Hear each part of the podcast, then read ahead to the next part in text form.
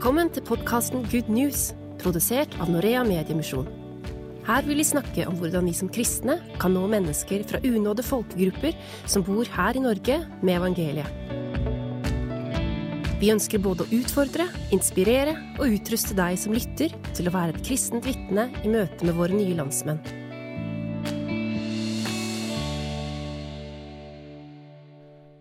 En sankthans med kubbespill og volleyball blei starten på et sterkt engasjement for å bygge vennskap med innvandrere og flyktninger. Velkommen til dagens utgave av Good News-podkasten, som produseres av Norea Mediemisjon. Mitt navn er Jostein Zett. Hva kubbespill og volleyball har med innvandrere å gjøre, det får du vite om litt.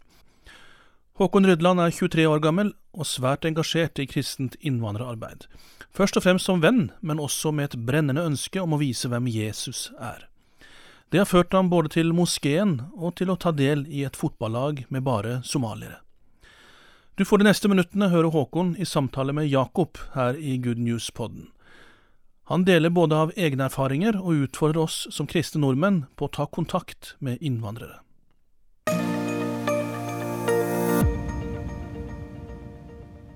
I dag skal vi få møte en ung mann på 23 år. Han er glad i Jesus og glad i mennesker. Eh, han heter Håkon Rydland. Han jobber bl.a. i et kristent nettmagasin som heter I tro. Eh, og så er han frontfigur i NLM sitt nye konsept Intro. Det er et eh, program for barn og unge, så han har noen ekstra stjerner hos mine barn. Og så er han fra Brumunddalen, eller noe sånt. Og så er han en engasjert kristen sjel, og akkurat nå så bor han på Elverum. Hjertelig velkommen til Good News-podden, Håkon. Tusen takk for det. Eh, hva mer kan vi si om deg? Har du en eh, fun fact som vi kan liksom sprite opp podden litt her med? Det er jo litt av hvert man kan si, men eh, en ting er jo at eh, jeg er jo veldig glad i dyr og har hatt eh, akvarium ganske lenge. Men eh, tidligere i høst så begynte det å dryppe, og jeg tenkte at det må jeg jo fikse. Så da tok jeg og kjøpte litt teip og lim på butikken og klistra på på utsiden. Men det fortsatte å dryppe, og så lot jeg det være sånn en god stund. Jeg hadde ikke tid til å fikse det, og så var det en dag jeg satt og jobba, og så bare så jeg at det begynte å renne mer og mer og mer og mer og mer, og mer, og jeg ble veldig stressa, skjønte hva som kunne komme. Gikk bort til akvariet, prøvde å feste på teipen enda bedre, som endte med at jeg dro ut hele silikonen mellom glassene, og alt vannet i mitt 110 liters akvarium fossa ut på hele gulvet.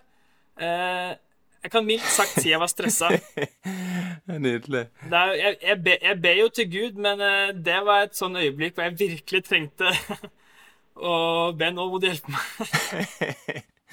Ja, den, eh, den, er litt lei. Eh, hva, hva, tar vi ut av dette her? Er det hvis akvariet drypper, så, så ikke begynn med teip? Er det det som er lærdommen? Ikke begynn med teip på utsiden, og fiks det på innsiden. Um, absolutt. Og jeg tenkte litt i forhold til um, Det er sånn vi ofte gjør. Vi, vi prøver å dekke til uh, det som, våre feil og mangler på utsiden, og så tenker vi at det holder, men uh, vi må ha en uh, skikkelig renovasjon på innsiden, altså. Og Det gjelder også for våre hjerter som kristne. Det må skje en forandring der, på innsiden. Det høres ut som du er en klassisk forkynner som får et, et, et, et, tema eller noe å snakke om i hver hendelse i livet. det, det, stemmer. ja, det er nydelig. Du Håkon, i, i prater med deg tidligere, så har jeg opplevd at du har et hjerte for innvandrere. Og det er jo det litt denne poden her handler om. Vår tilnærming til innvandrere og til Eh, det flerkulturelle rundt oss. Mm. Eh, absolutt. Det er jo det jeg brenner mest for og engasjerer meg mest for. Og har lyst til å bruke så mye av fritiden min på som mulig. Så absolutt. Kan du si noe om hvorf hvorfor det har blitt sånn? For meg så kommer jeg ofte tilbake til en hendelse eh, for eh, fem år siden. Da var det en sankthansfeiring i Hamar, og min farmor, som jobber på NLM Gjenbruk, hun hadde kommet i kontakt med en eritreer der og inviterte han med. Og vi møtte han, og vi spilte kubbespill. Han var helt sinnssykt god på det, selv om han aldri hadde prøvd det før. Eh, og volleyball. Vi hadde det egentlig veldig kjekt. Og så innså jeg etterpå at ok, nå har jeg et valg. Enten kan jeg tenke at det ble med det, eller så kan jeg ta kontakt og prøve å skape et vennskap. Jeg er veldig glad for at jeg gjorde det siste. Og vi fikk brukt utrolig mye tid sammen etter det, og jeg fikk høre historien hans om at han hadde vært båtflyktning og ti dager på Middelhavet uten mat og drikke. og Det gjorde inntrykk på meg. Og jeg så både den gleden han opplevde av å få en venn, men også den gleden jeg opplevde av å kunne bety noe og få et vennskap som er annerledes enn de jeg har hatt tidligere. Og etter det så har eh, det å bli kjent med en ny landsmenn vært eh, virkelig min hjertesak, da. Det er utrolig spennende. Eh, det er jo litt innlysende kanskje, da, neste spørsmål, eller mine tanker her. med Hvorfor det er viktig, tenker du, at, at vi som kristne spesielt tar imot uh, og bruker tid på å bli kjent med, med, de som kommer til Norge fra andre land? Jeg tenker Vi som kristne har jo et helt uh, spesielt ansvar her, og jeg tror vi kan se det fra Bibelen også. Gjennom at vi skal gå ut til alle folkeslag, og vi skal ta vare på innflytterne i landet. Og Jesus selv går til samaritanerne og med kvinnen ved brønnen, så tar han kontakt med henne, selv om det var ikke veldig kulturelt akseptert. Eh, og jeg tror eh, den muligheten vi har når eh, alle folk fra alle folkeslag bor i vårt nærområde, så er det egentlig veldig unaturlig om ikke vi kristne skal gripe den muligheten. Så jeg tenker absolutt at dette her er noe vi kristne bør se enda mer på og engasjere oss enda mer for. da. Og det er jo det jeg håper eh, på, da. Og Samtidig så hører jeg at det ikke bare pga. det Bibelen sier at du har landa der. Det er gjennom bekjentskap som har ført til at dette faktisk syns du er kjekt, liksom? Absolutt. Det er, eh, det er, noe av det kjekkeste jeg vet. Og jeg har innsett at uh, det er jo likemenn. vi kan le av de samme tingene, og vi har mange felles verdier. og de kan servere meg lokal mat, eksempel Jeg husker da jeg skulle teste eritreisk grøt for første gang. Det, det er noe annet enn risengrynsgrøt, for å si det sånn. Og da satt vi fem eritreere sammen og spiste fra samme skål med hver vår skje, og det var mye forskjellig oppi der, som med berbere og ja. Så du får oppleve veldig mye. på samme besøk så husker jeg at vi så fem timer på eritreiske musikkvideoer. Uh, som jeg har innsett at det er en uh, På alle de gangene jeg har besøkt eritreere, så har de ofte på musikkvideoer på YouTube. Så det var en periode jeg ble ganske godt uh, kjent med de ulike eritreiske artistene der. Utrolig stilig. Ja, du, du, blir introdusert til en ny verden, kan du si, og, og gjerne du må være mottagelig for å se nye ting og høre nye ting, da. Ja, absolutt. Jeg har tenkt litt på det nå i den koronaperioden som har vært, og vi ikke har hatt muligheten til å reise så mye. Så er det jo mange som syns det er kjipt. Men uh, man trenger jo ikke å gå mange hus eh, bort i nabolaget før man kommer inn i en helt annen verden med helt annen utsmykning og mat og språk. Uh, og det er jo veldig spennende. Og de, de fleste av oss har jo folk fra andre land eller andre kulturer i nabolag, eller om ikke annet i området der vi bor. Og, um, du har gjort deg noen erfaringer, og, og, hvordan tenker du at vi kan Hva kan vi gjøre for å bli kjent? Uh, hva, hva, kan du dele av dine erfaringer som du har gjort? Jeg har innsett at det er egentlig overraskende lett å bli kjent med våre nye landsmenn. Jeg, for min del så har det heller gått andre veien, at jeg syns det er mye vanskeligere å ta kontakt med etniske nordmenn enn med de som har andre språk og hudfarger.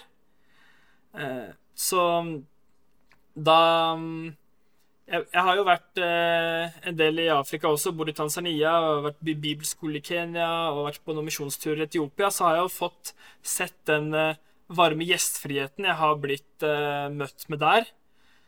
Og varme kulturen. Og jeg har sett også den hos mange nye landsmenn som møter meg med åpne armer og jeg har nesten utelukkende bare gode erfaringer med å ta kontakt, da.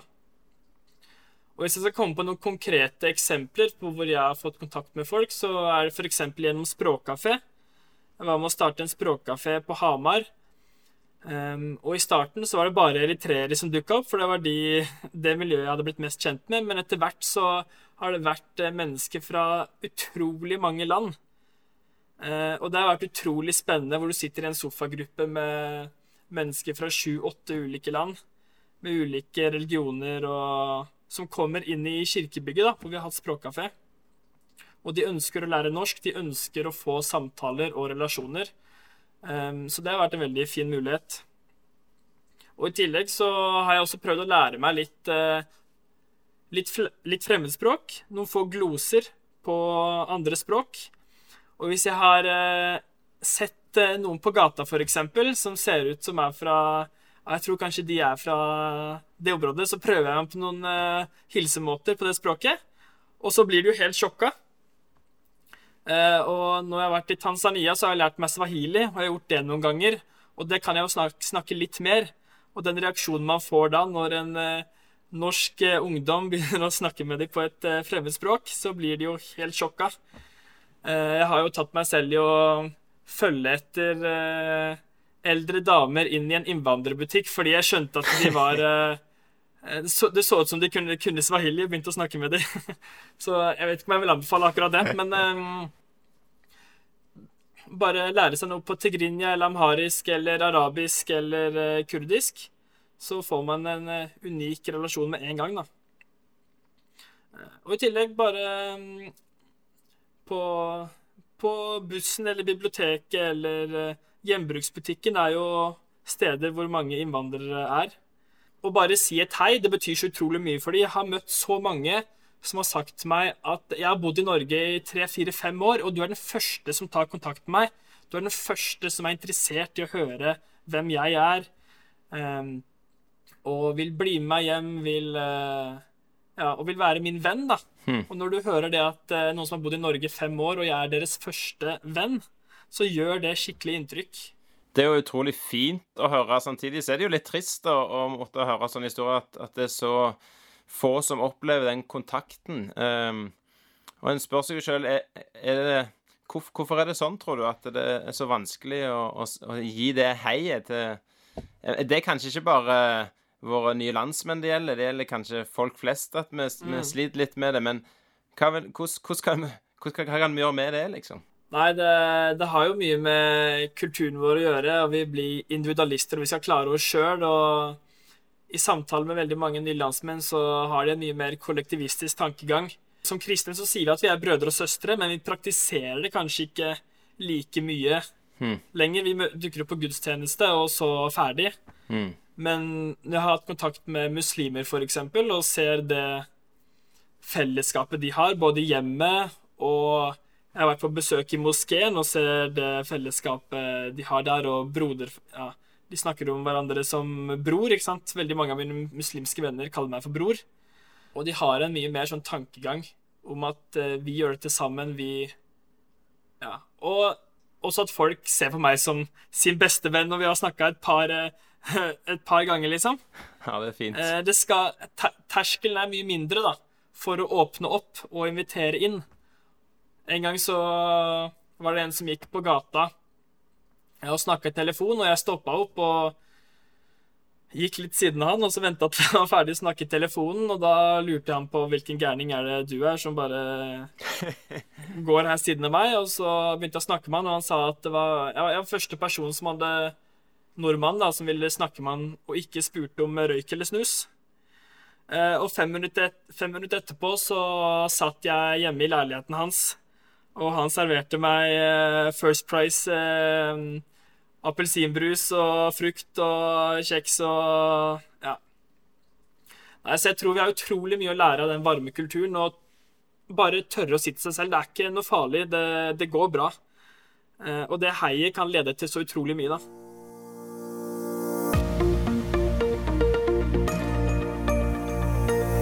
Du lytter til podkasten Good News fra Norea Mediemisjon. Jeg ble utrolig inspirert av å høre på. Det, det, er fantastisk å høre. Det høres på en måte så enkelt ut, og, og det er vel det egentlig du sier at det kanskje er. At det er så enkelt. Så, uh, og Samtidig så er det noe med det alltid det der å hoppe uti ting som, som det, er liksom, det er alltid vanskelig i start, men så virker det som fra de side iallfall at liksom, når du har gjort det noen ganger, så, så, ser du hvor trygt det er, og hvor egentlig lett det er, da, som, som gjør at du gjør det igjen og igjen, da. Og at erfaringene dine er virker nesten til å være utelukkende positive, da. Ja, absolutt. Og det er eh, det er det man må få. Det første møtet, det var det som var viktig for meg. Tidligere så gikk jeg på Drottningborg VGS, og jeg var leder for lagsarbeid der, hvor vi hadde muligheten til å dra på leksehjelp for flyktninger. Og selv om jeg var leder for uh, så tenkte, må jeg være ærlig og si at jeg tenkte på det at hvorfor skal jeg gidde å bruke tid på det? Det høres jo helt rart ut. Jeg har nok skole her. Uh, men det angrer jeg jo på veldig den dag i dag. Jeg så ikke muligheten. Jeg skjønte det ikke. Uh, så det var det første møtet som virkelig skjønte at wow, det her er så berikende og så flott. og sett at det her er vanlige mennesker. Og fremmedfrykten min ble mye mindre med en gang, da. Og så er det ikke bare lett heller. Det kan eh, Jeg har vært med å spille fotball med en eh, gjeng med somaliere i Elverum. Og da når du er den eneste lyshuda der, og de begynner å kjefte til hverandre på somali og takler og hoier og tjo hei, så da merker jeg at da blir jeg litt ukomfortabel. Da er det litt vanskeligere å starte samtaler om tro og Stemmer. sånt. Men bare det å være i et sånt miljø, det gjør noe med deg, da. Mm. Her er man flokka rundt mennesker i mitt eget nabolag som har en helt annen eh, religion og tilber en annen gud enn meg.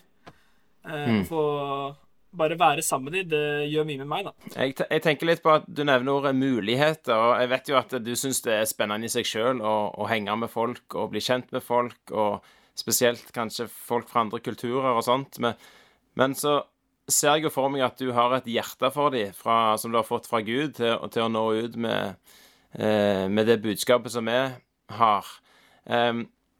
Hvordan, eh, hvordan, opplever du det i disse relasjonene? Er det lett å snakke om troa di? Er det lett å snakke om, om Jesus og, og, det som eh, evangeliet som du har lyst til å gi dem, da? Jeg syns det er mye lettere å snakke med de enn med andre nordmenn. Absolutt. Og ofte så ser jeg på det helt naturlig å spørre ja, hva tror du på? Er, det, er, du kristen, eller er du muslim? Og de ser på det som et helt naturlig spørsmål å få. da. Og det har jeg erfaringen fra når jeg har vært i Øst-Afrika òg, at det er en, mer naturlig del av samtalen, og det ser jeg også her, da.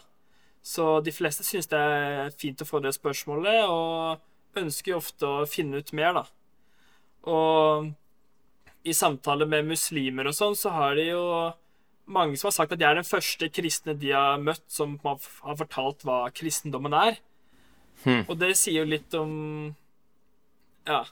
Og det Ja. De må få høre, og da kan jeg få lov å tale om det jeg har sett og hørt, i hvert fall. Selv om det ikke alltid er like lett, så opplever jeg det som en eh, veldig ja, stor mulighet, da. Har du opplevd at det er, på en, en, er, det en, er det en måte du gjør det på, eller en framgangsmåte som liksom fungerer for deg, eller er det fra person til person? Har du på en måte en strategi i hvordan du ønsker å formidle troa di på? Ja, jeg tenker at det er jo viktig å være litt, uh, litt proaktiv og tørre å ta litt initiativ, da. Ofte når vi som kristne snakker om evangelisering og sånn, så ser vi det på en litt sånn defensiv måte. Ja, hvis folk stiller oss spørsmål, så skal vi svare. Hmm. Eh, men eh, angrep er det beste forsvar i fotball, og det, ofte så er det det i kristen eh, formidling òg. At jeg tror vi må tørre å være litt mer på og stille de spørsmålene. Jeg har sjøl prøvd å oppsøke litt muslimske miljøer, sånn som det somaliske fotballaget spilte på. Og jeg har vært med på ramadanfeiring, og jeg har vært på besøk i moskeen, og det er ukomfortabelt. Da merker man at det er eh, Her trer jeg inn i et ukjent territorium. Mm. Og der blir jeg stilt mange kritiske spørsmål til min tro. Blir angrepet på treenigheten, blir angrepet på Jesus som Guds sønn. Og heldigvis har jeg fått eh, studert en del apologitikk og lest meg opp på en del av de tingene her, så jeg føler jeg har noe svar å komme med. Men um, jeg har tenkt på det at hvis vi som kristne ønsker at f.eks. muslimer da skal konvertere og bli kristne, så må også jeg som kristen være åpen for at jeg også kan ta feil eller bli muslim. Og det høres rart ut å si det, men hvis jeg forventer det av andre, så må også jeg ha en mer åpen tilnærming, da. Ja. Um, og at jeg tør å få kritiske spørsmål og det er mange av mine muslimske venner som sender meg muslimske videoer og vil at uh, jeg skal konvertere også. Ja. Um, og det er jo utfordrende. Mm. Men um, samtidig er det jo veldig spennende å bringe med seg mange samtaler, da. Men opplever du at det har vært eh, er det, er det på en måte et avgjørende for deg å ha, den, ha nok kunnskap i møte med det flerkulturelle, eller er det et, Altså, et, jeg tenker, trenger en å studere noe før en har prat om tro? Eh, nei, det syns jeg absolutt ikke man trenger, og man lærer utrolig mye gjennom den erfaringen. Mm. Uh, og, å bare bli kjent med folk, det tror jeg man klarer veldig lett. Men hvis man skal, sånn som jeg noen gang har gjort, da, oppsøke og dra på besøk i moskeen og sitte og snakke med imamen, liksom, og de bare prepper på, uh, så for din egen tro sin skyld, så ville jeg nok ha lest meg i hvert fall opp på en del av de utfordrende spørsmålene man kan få. da. For Hvis ikke kan det bli litt sjokk, for det er mange argumenter man aldri har hørt tidligere mot kristentro, Hmm. som kan bli utfordrende. Jeg vet ikke om du har opplevd det, men, men hvis si, samtalen går godt, og, og, interessen for Jesus er der, og det begynner å vokse fram en tro i, iblant dine nye venner, hva, eh, hvordan ser du for deg den prosessen og, og veien og, og oppfølgingen av, av, disse som eventuelt kommer til tro? da? Har du fått vært med på det? Ja, det er eh, ofte en eh, lang prosess, og med muslimer så tar det ofte litt tid. Eh, et eksempel er jo at jeg hadde en eh, god venn som eh, snakka veldig mye om tro, og han var veldig litt sånn fiendtlig innstilt Mhm. til eh, alle mine innvendinger og ville ikke lytte veldig mye. Og så hadde fått tilgang på en god ressurs, og vi så noen videoer om eh, syndefallet, om frelse og sånne ting.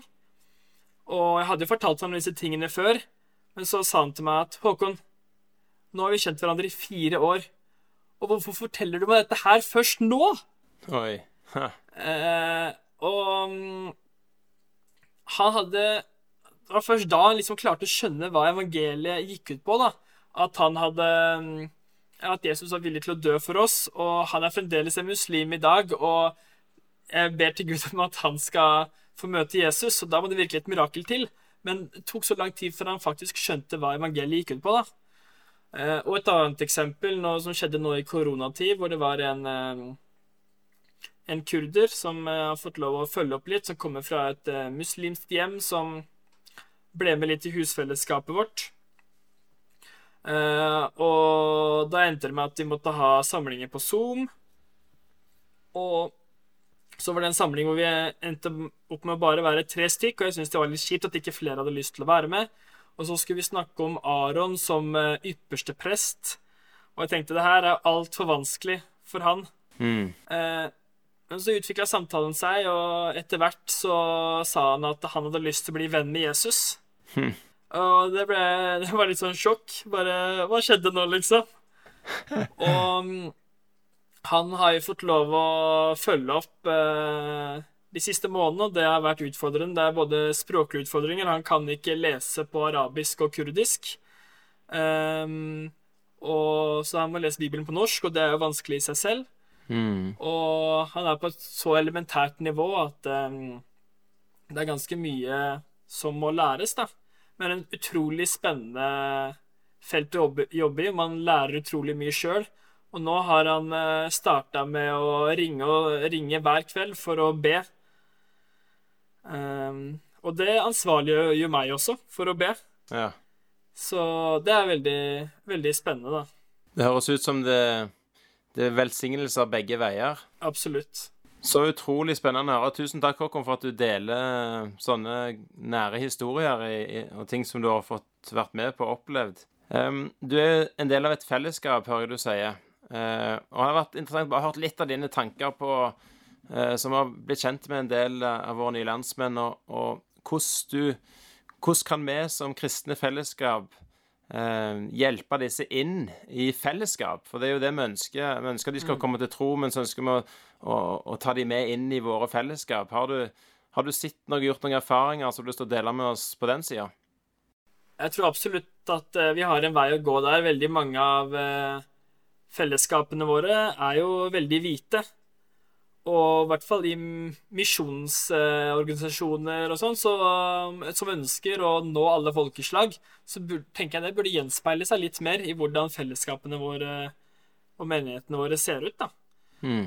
Og så um, ser jeg det at eh, mange har uh, Syns det er også spennende å bli invitert til en kirke. Jeg tenker ikke at det er det første man nødvendigvis trenger å gjøre. eh, hvis det er muslimer, for eksempel. Men jeg husker jeg inviterte noen muslimer med i en menighet i Oslo. Og de syntes det var vanskelig å forstå talen, da, fordi det var på sunnmørsk, så de ba om tolk fra eh, sunnmørsk til bokmål. Eh, og jeg tenker ikke det er et kriterium at man må ha tol tolking til bokmål for andre dialekter, men eh, jeg tror vi må være villige til å strekke oss litt da, for å legge til rette. Og så tror jeg spesielt da, sånn som Språkkafé eller andre møteplasser i kirkerommet eller på gjenbruk eller er fine inngangsporter da, til å invitere dem med i, i fellesskapene. Og også tørre å kunne gi dem litt eh, tillit og kunne bidra med ting. Og det er jo veldig mange av våre nylandsmenn som er kristne, og som eh, ikke har et fellesskap. Og det har jeg også møtt mange som er helt alene som kristen, og aldri har blitt invitert med et kristent fellesskap. Og det er jo i hvert fall eh, kjipt at de kristne som kommer hit, ikke- ikke finner seg til rette noe sted. Mm. Eh, Så det er jo kanskje mm, først, først bør vi prøve å klare å få tak i de, tenker jeg. Det oss noen utfordringer her, eh, samtidig som du det gir iallfall meg håp om at det er mulig. eh, Og det er spennende å høre eh, hva, hva du har opplevd. Og så jeg tenkte jeg skulle, skulle si det, vi hadde en, eh, en somalsk eh, muslim med på vårt husfellesskap i Elverum. Og så begynte vi å høre litt med han, da, hvordan det var å være muslim i Somalia. Og han sa han han hadde jo aldri hørt om at det fantes andre alternativer før han eh, måtte reise til Kenya som eh, flyktning. Og det var da han først hørte om at folk kunne tilby andre, andre ting. Og, og så Etter hvert i samtalen så sa han det at eh, hvis dere faktisk mener at dette her er sant, hvis dere tror på dette her, så må dere jo være enda mer frimodige med å fortelle det. Da må dere jo dere må dra på skoler, og dere må dra på gatene og forkynne dette her. Og det når en troende eh, muslim sitter i vårt kristne husfellesskap og oppfordrer oss til å bli enda mer frimodige om å fortelle evangeliet, så var det litt sånn paradoksalt, men han har grepet noe som kanskje mange kristne ikke har grepet ennå. da. At hvis de faktisk tror på dette, her, hvis de faktisk tror at det er Jesus som er eneste veien, og at det gjelder alle folkeslag, så er det bare å kjøre på. Du skal få høre det fra, fra de du minst trodde du skulle høre det fra, for å si det sånn. Absolutt. Bare den, det du forteller om at du, disse du har hatt inn i fellesskapet, vil jeg jo si en veldig oppmuntring og en oppfordring til oss andre med å våge å slippe folk inn i fellesskapet vårt. For det er jo, det er jo da de kan se hvem vi er, og hva vi tror på, og gi en mulighet til å Jeg lurer på om av og til tror at, at de, de vet alt, men så er det som du sier, de, det, det er mange ting de ikke har fått erfart og fått sitt, som, som har så mye å gi dem med å inkludere dem inn. Om de er kristne, eller om de ikke er kristne. Mm, absolutt. Så takk for at du oppmuntrer oss til å være uredde der, da. Ja, og jeg tenker at um, vi ikke skal få kultursjokk når vi kommer til himmelen og innse at der skal vi jo lovsynge med folk fra alle nasjoner og folkeslag og tungemål. Eh, og da tenker jeg at det er naturlig at vi forbereder oss litt her nede på å ha fellesskap som er litt mer fargerike og flerkulturelle enn eh, det jeg ofte er komfortable med nå, da. Veldig spennende å høre, Håkon. Du eh, har mye på hjertet og mye å dele som er veldig interessant. Vi skal gå med en avslutning, tror jeg. Eh, har du eh, Har du noen siste, siste ord eller siste tanker som du har lyst til å dele med oss? Noe du har på hjertet? Jeg har egentlig bare lyst til å oppmuntre om at det å skape disse relasjonene med nye landsmenn, det beriker livet ditt så utrolig mye. Det, du får gi så mye, og du får så mye tilbake, og du får oppleve utrolig mye spennende. Og det er både utfordrende, men også trosstyrkende for din egen tro. Og du får praktisere det i praksis. Du får møte de menneskene som Gud har et hjerte for, og da gjør det også noe med ditt eget hjerte. Tusen takk, Håkon. Eh, det var en god eh, inspirasjon til oss som lytter. Takk for at du ble med i Good News-podden i dag. eh, For at du deler av historiene dine, erfaringen din. Det var inspirerende, og det var utfordrende. Så må du ha lykke til med livet i Elverum, og eventuelt et nytt akvarium hvis det må til. Jo, takk for det. Jeg tror etter den litt kjipe opplevelsen, så har jeg lagt den litt på hylla.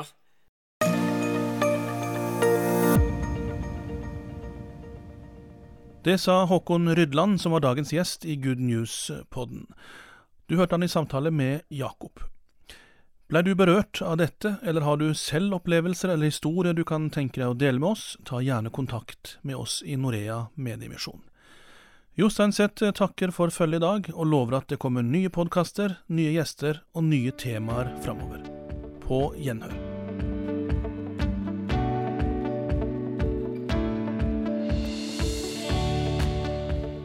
Du har lyttet til podkasten Good News fra Norea Mediemisjon.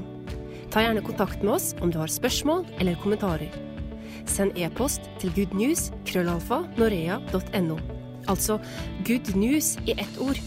Krøllalfa norea.no. Et godt tips er også å laste ned appen Good News Media og kontakte oss gjennom den. Der vil du finne flere episoder i denne podkasten og masse andre ressurser.